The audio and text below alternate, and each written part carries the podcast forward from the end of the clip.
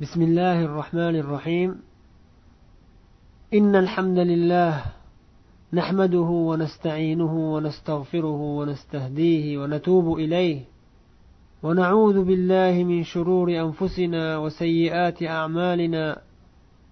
من يهده الله فلا مضل له ومن يضلل فلا هادي له وأشهد أن لا إله إلا الله وحده لا شريك له وأشهد أن محمدا عبده ورسوله صلى الله عليه وعلى آله وأصحابه ومن تبعهم بإحسان إلى يوم الدين وسلم تسليما كثيرا.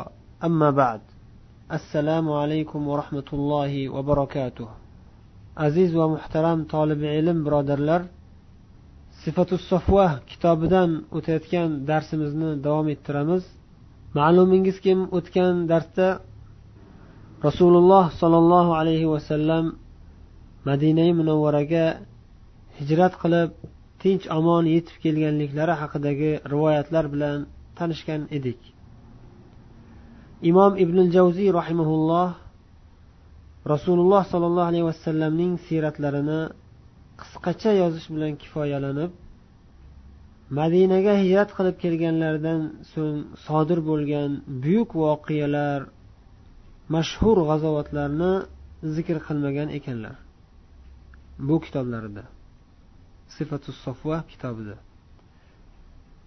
Hammamizga ma'lumki ulamolar sirati nabaviyani umumiy suratda ikki qismga taqsimlashadi. Al ahdul makki val ahdul madaniy makka davri madina davri. Biz biz hozirgacha bo'lgan darslarimizda makka davri bilan qisqacha tanishib chiqdik. Keyin hijrati nabaviya qissasini ham oxirgi ikkita uchta darsimizda imkon qadar batafsilroq zikr qilib bu insoniyat tarixidagi eng buyuk hijratdan kerakli zarur foydalarni olishga harakat qilyapmiz. Endi madina davri qoldi.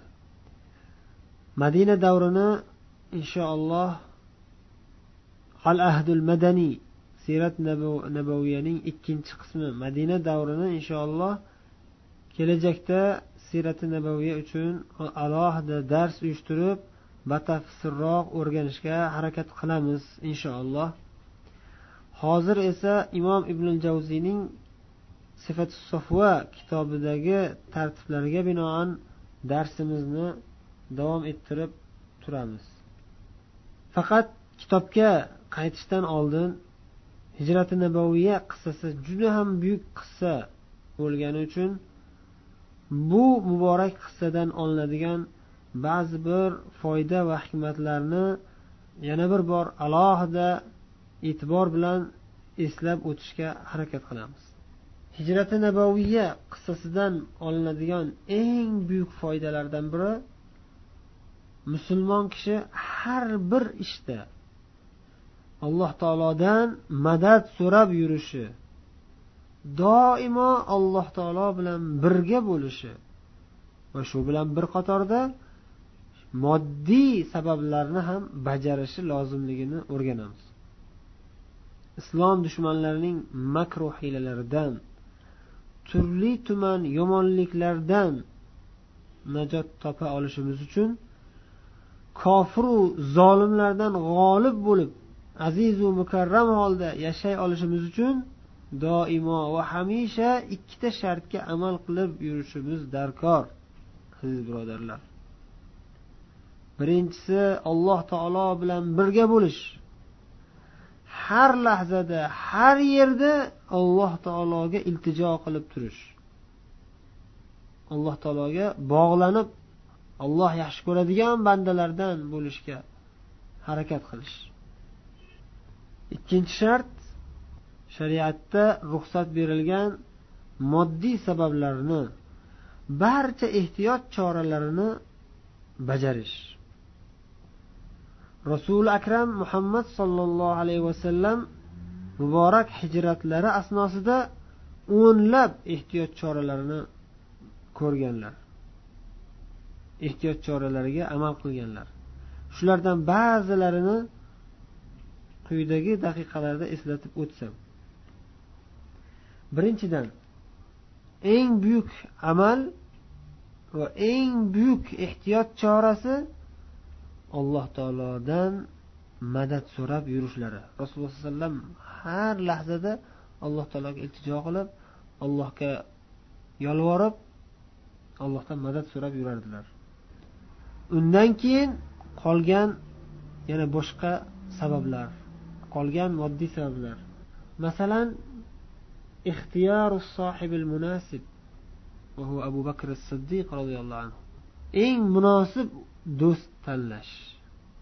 Ollohdan eng ko'p taqvo qiladigan ilmi hikmati ham oliy darajada bo'lgan alloh va rasuli uchun fidoyi bo'lgan inson abu bakr siddiq roziyallohu anhudek sahobiyni o'zlariga hamroh qilib tanlashlari bu eng buyuk ehtiyot choralaridan biri. Rasululloh sollallohu alayhi vasallamning o'sha davrda yuzlab sahobiylar bo'lgan. Lekin shularni ichidan nima uchun aynan abu bakr siddiqni o'zlariga hamroh qilib tanladilar hijratda? Chunki eng munosib inson shu kishi edilar. Ikkinchi ehtiyot choralari hijrat uchun oldindan tayyorgarlik ko'rishlari. Madinaga hijrat qilish uchun hijratga chiqish safarga chiqishdan bir qancha vaqt oldin tayyorgarlik ko'rishgan. Ikkita markab tayyorlab qo'ydilar abu bakr siddiq roziyallohu anhu. Bir qancha vaqt oldin. Hijrat qilish vaqti kelganda sotib olmadilar. Oldindan ancha vaqt oldin sotib olib yaxshilab boqib yaxshilab tayyorlab turdilar. Oldinroq shuni bajarganliklari quraysh kofirlarini ko'zi tushmasligiga ham yordam bergan. Ya'ni hijrat vaqtida agar markab sotib olishganda bilinib qolardi. Bular ketyapti ekan deb u ancha oldin sotib olinganligi makka mushriklarining e'tiborini tortgani yo'q. Yana shu ikkita markabni ishonchli yo'lboshchiga topshirib qo'yishgan. Abdulloh ibn urayqit degan o'sha yo'lboshchi bo'lgan odamga tayyor qilib topshirib qo'yishgan. Yana ehtiyot choralaridan biri abu bakr siddiq roziyallohu anhuning uylariga har kun kelib rasululloh sollallohu alayhi vasallam u kishi bilan uchrashib turishlari makka mushriklari ham oddiy holat deb tushunib qolishgan edi. Muhammad abu bakr uyiga kelib ketishligi bu bir necha yillardan beri davom etib kelayotgan holat bir yangilik emas deb o'ylashdi. Vaholanki oxirgi kunlari rasululloh sollallohu alayhi vasallam abu bakr siddiq uylariga kelib hijrat qilish yo'llarini maslahatlashishardi va yana ehtiyot choralaridan biri abu bakr siddiqni uyiga oxirgi marta kelishlarida hech kim ko'rmaydigan vaqtda hamma uyda bo'ladigan ko'chada hech kim bo'lmaydigan vaqtda chiqishlar ya'ni kunduzi kun rosa issiq rosa qizib turgan vaqtda chiqib abu bakr uylariga borishliklari. O'zi odatda ertalab yoki kechroq borardilar. Peshin vaqtida bormas edilar. Oxirgi marta borganlarida peshin vaqtda bordilar. Rosa kun qizigan vaqtda ko'chada hech kim yurmaydigan vaqtda bordilar. Yana hijratlari tinch omon va makka mushriklariga sezilib qolmaydigan holatda bo'lishi uchun abu bakr siddiq uylariga chiqqanlarida o'zlarini yuzlarini bekitib chiqdilar. Kimliklarini bilib qolmasligi uchun o'zi ko'chaga hech kim chiqmaydigan vaqt bo'lsa ham lekin biror bir zarurat tug'ilib qolib biror bir kishi mushriklardan birontasi tasodifiy suratda ko'chaga chiqib qolsa ham muhammad bunday bevaqt nima qilib yuribdi keyin deb muhammad alayhissalomni tanib qolmasligi uchun yuzlarini bekitib chiqdilarki hech kim tanib qolmasligi uchun. Yana ehtiyot choralaridan abu bakr siddiq roziyallohu anhu uylariga kelganlarida ham abu bakrni oila a'zolaridan ham yashirishga harakat qildilar. Hijrat xabarini hijratga chiqamiz tayyorlaning deyishlik uchun oldingizdagi odamlarni chiqaring nariyoqqa chiqib turishsin dedilar. Boshida e, abu bakr oilasi ham bilib qolmasin degan maqsadda. Lekin abu bakr siddiq rasululloh sollallohu alayhi vasallamga tushuntirib aytdilarki bular sizni o'zingizni oilangiz. Siz o'zizga eng yaqin insonlar. Islomga kirgan iymon kirgan sirdoshlaringiz deb xotirjam qildilar yana ehtiyot choralaridan hijratga ruxsat kelishi bilan darhol chiqib ketishga harakat qilishdi. Vaqt o'tkazishmadi ertaga indinga deb kechiktirmadi. Fursat bo'ldimi? Ruxsat keldimi? Darhol. Shoshilinch tarzda oldindan tayyorlab qo'yishgan ruxsat kelishini oldindan rasululloh sollallohu alayhi vasallam sezib abu bakr bilan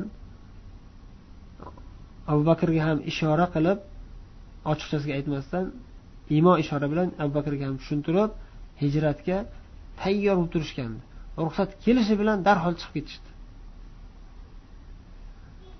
Demak har bir ishni o'z vaqtida bajarishlik foydasini o'rganamiz. Kechiktirmaslik zarurlik.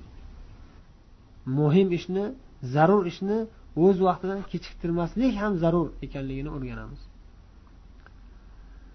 Yana bir foyda ali roziyallohu anhuni rasululloh sollallohu alayhi vasallam o'zlarining o'rinlariga yotadigan joylariga qo'yib chiqib ketishliklari.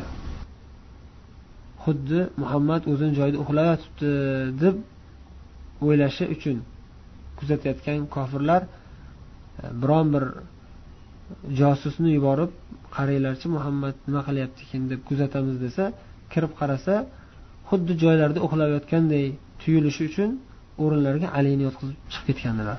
Bu ham ehtiyot choralaridan. Yana bir ehtiyot chorasi abu bakr siddiq roziyallohu anhuni uyiga chiqib turib keyin abu bakr siddiqni uyidan orqa tarafidan chiqib ketishliklari. Ya'ni abu bakr siddiq roziyallohu anhu mushriklarni ko'zi tushib qolmaydigan bo'lishi uchun tashqaridagi eshiklardan tashqari orqa tarafda hovlini orqasidan orqa tarafda bir kichkina eshikcha qilib qo'ygandilar. Hamma abu bakrni tashqaridagi darvozasiga qarab tursa kuzatadiganlar o'sha tarafdan chiqishsa kerak deb kuzatib turadigan bo'lganda bular orqa tarafdan chiqib ketishgan. Yana ehtiyot choralaridan o'tgan darslarimizda ta'kidlab aytganimizdek madinaga qarab yo'l olishmadi. O'zi madinaga hijrat qilib ketishyapti lekin madinaga qarab yo'l olishmadi. Makka mushriklari muhammad madinaga hijrat qilmoqchi ekan deb eshitishib hammalari shu madina yo'lini tekshirishyapti madinaga chiqib ketadigan yo'llarni tekshirishyapti rasululloh sollallohu alayhi vasallam va abu bakr esa yaman tarafga qarab orqa janubiy tarafga qarab chiqishgan kechasi. Keyin hijratga yo'l olishgandan keyin ham to'g'ridan to'g'ri ketishavermadi balki qidiruvlar tekshir tekshirlar ancha sovib kamayishi uchun uch kun g'orda bekinib yotishliklari ham ehtiyot choralaridan biri.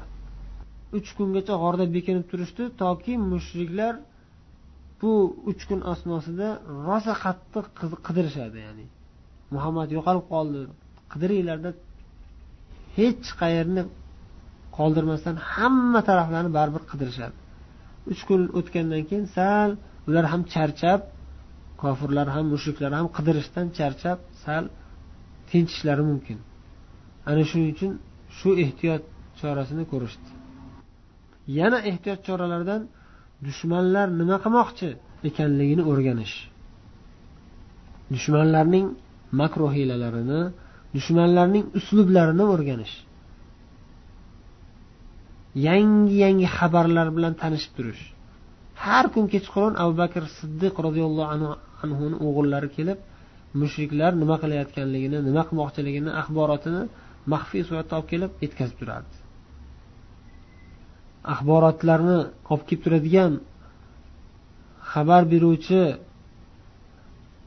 odamni tanlashda ham yosh yigit aqlli zakovatli yigitni tanlashdi. Abu bakr siddiq roziyallohu anhuning o'g'illarini va u odam ham xabar olib kelishida yo'llarini maxfiy tutardi. Vaqtini ham yo'lini ham. Kechasi kechqurun kelib saharlab qaytib ketishligi va kelib ketgan yo'ldagi izlarini yo'qotib yuborishligi. Qanday qilib?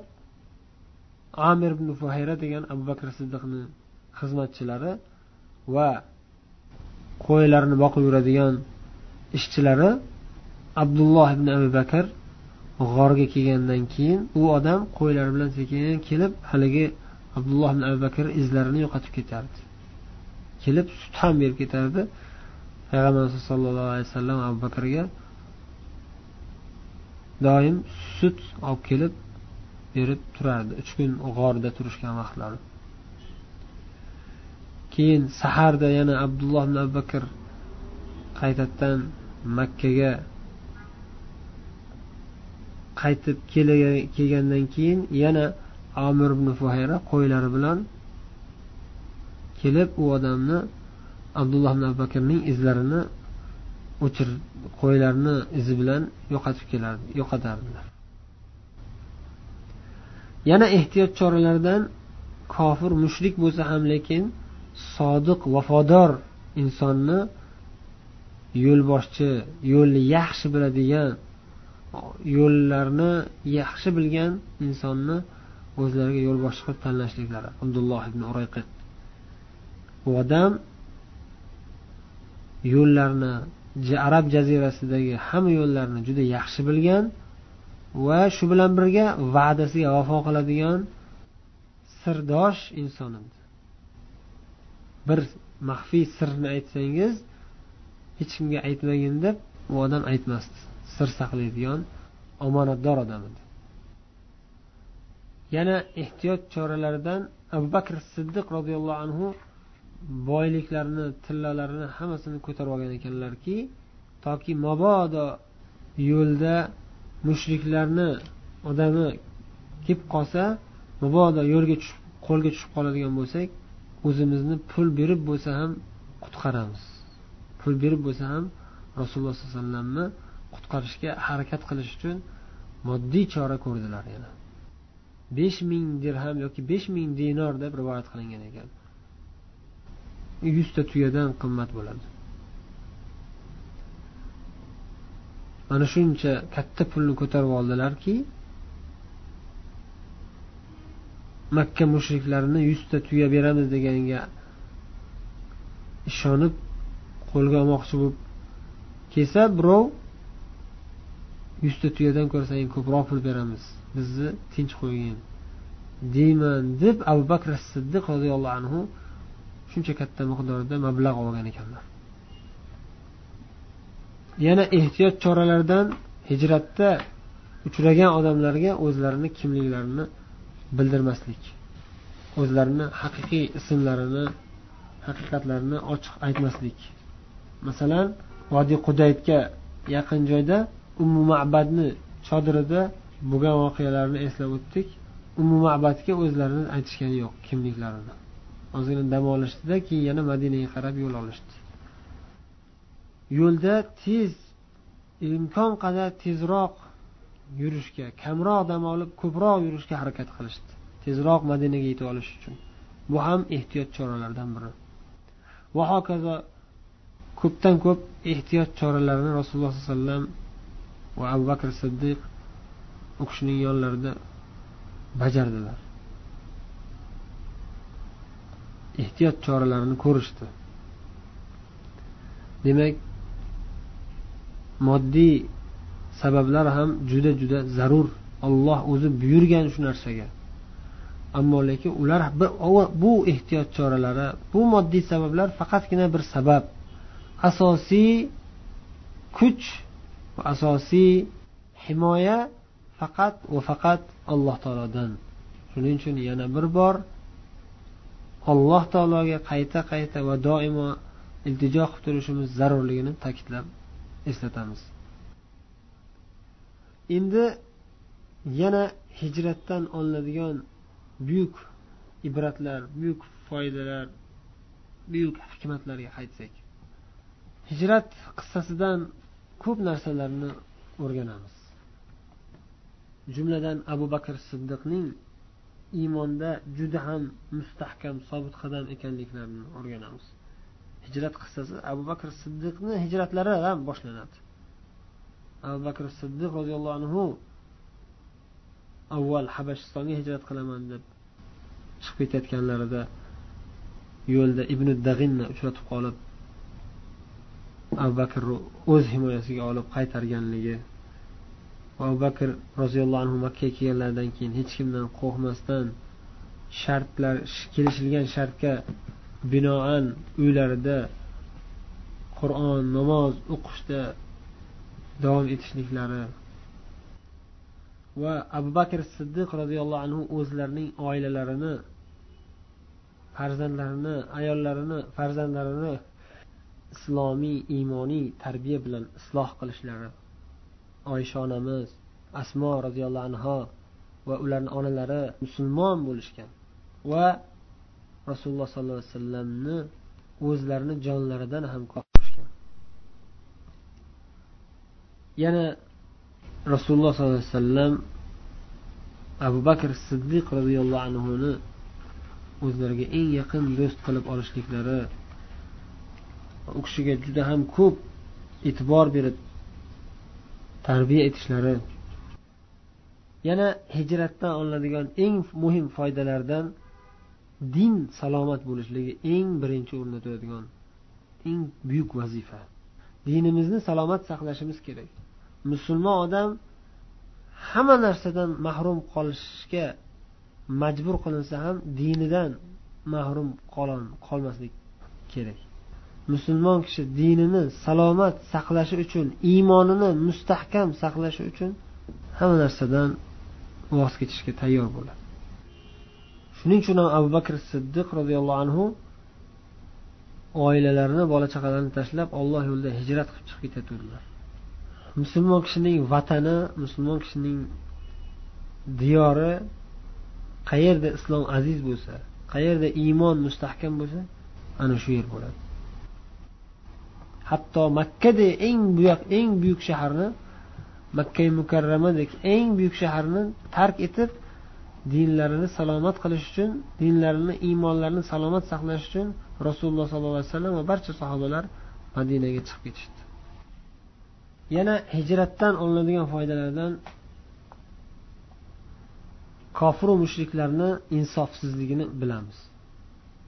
Zolimlar islom dushmanlari doimo nomardlik qilishadi insofsizlik qilishadi. Haqiqat ovozini nima qilib bo'lsa ham yo'qotishga harakat qilishadi. Yolg'on tuhmatlar bilan umum xalqni imkon qadar haqiqatga da'vat qiluvchi odamlardan ajratib tashlashga harakat qilishadi. Haq ovozini odamlar eshitsa ta'sirlanib ketishini bilishadi. O'zlarining gaplari botilligini o'zlarini yo'llari noto'g'riligini islom dini haq din ekanligini ich ichlaridan sezib turishadi bilib turishadi. Islom da'vatchisi chin qalbidan yig'lab ta'sirlanib tilovat qilsa ko'tarolmaydi mushriklar kofirlar zolimlar uni ko'tarisholmaydi. Allohning kalomini ta'sirlanib chin qalbi bilan yig'lab o'qiydigan odamni yosh bolalar ham ayollar ham ko'rsa bu haqiqatdan ham insoniyatning so'zi emas bu ollohni kalomi bu haq din ekan bu deb biladi qalbi ochiladi. Shuni sezgan tog'utlar zolimlar shu ovozni nima qilib bo'lsa ham yo'qotishga harakat qilishdi. Yana hijrat foydalaridan haqiqat chaqirig'i islom da'vati oshkor bo'lishi kerak. Doimo maxfiy bekinib yurishlik bu to'g'ri emas bu faqatgina zaruratda shunga majbur bo'lib qolingandagina iste'mol qilinadigan vaqtincha bir holat vaqtincha bir zarurat xolos. Zarurat uchun xolos. Maxfiy bo'lishlik o'zini yashirib harakatlarini bekitib yurishlik bu faqat zaruratda vaqtincha bo'ladi xolos. Ammo musulmon odam o'zi umumiy holatda musulmon kishi doimo ochiqchasiga islomga da'vat qila oladigan holatga chiqishi kerak. Qayerda bo'lsa ham. Hech qanday imkoniyat topolmasa ma'zur uzrli. Lekin islom da'vatini ochiqchasiga hamma insonlarga yetkazishga imkoniyati bo'la turib yashirinib yurishlik bu aslo hikmatdan emas. Rasululloh sollallohu alayhi vasallam makkada faqatgina boshida birinchi da'vat boshlanganda uch yil maxfiy da'vat qildilar. Keyin oshkora da'vat qilishga o'tdilar. O'n yil makkada har qancha qiyinchiliklar har qancha zulm zo'ravonliklar bo'lsa ham o'n yil islomga ochiqchasiga da'vat qildilar. Ma'lum bir sahobiylarni himoyalari zaifligi uchun islomga kirganliklarini yashirib turilgan bo'lsa ham lekin islom da'vati ochiqchasiga davom etardi. Oxiri mushriklarni zulm zo'ravoni juda ham haddan oshib ketgandan keyin hijrat qilishga buyurildi. Hijrat qilishga buyurilishlikni ham hikmati asli sababi islom da'vati bunday bosim ostida qolmasligi kerak. Doimo bemalol da'vat qilish yo'llarini topishga harakat qilish kerak. Yana hijrat foydalaridan rasululloh sollallohu alayhi vasallamning allohga bo'lgan tavakkullari allohga bo'lgan ishonchlari allohga bo'lgan suyanishliklari juda ham oliy darajada juda mukammal ekanligini o'rganamiz. Abu bakr siddiq roziyallohu anhu ham allohga bo'lgan tavakkullari juda ham mukammal bo'lgan. Rasululloh sollallohu alayhi vasallamning tavakkullari darajasiga yetmagan bo'lsa ham lekin abu bakr siddiq ham allohga bo'lgan tavakkullari allohga bo'lgan ishonchlari allohning g'alabasi kelishiga bo'lgan ishonchlari mukammal bo'lgan. Ammo lekin baribir rasululloh sollallohu alayhi vasallamni o'ylab tashvishga tushardilar rasululloh sollallohu alayhi vasallamni hayotlariga rasululloh sollallohu alayhi vasallam tinch omon bo'lishlariga jonlarini fido qilishga tayyor bo'lardilar abu bakr siddiq. Va shu rasululloh sollallohu alayhi vasallamga bo'lgan xavf xatar kuchaygan sari tashvishlari kuchayaverardi. Rasululloh sollallohu alayhi vasallam esa allohga bo'lgan tavakkullari oliy darajada bo'lib hech qanday bir xavf xatardan qo'rqmasdilar. Yana hijratdan olinadigan foydalardan yaxshilik ishida inson o'zi imkon qadar o'zining hisobidan mol mulkidan xayr ehson qilishligi o'zining hisobidan nafaqa chiqarishligi ahamiyati balandligini o'rganamiz.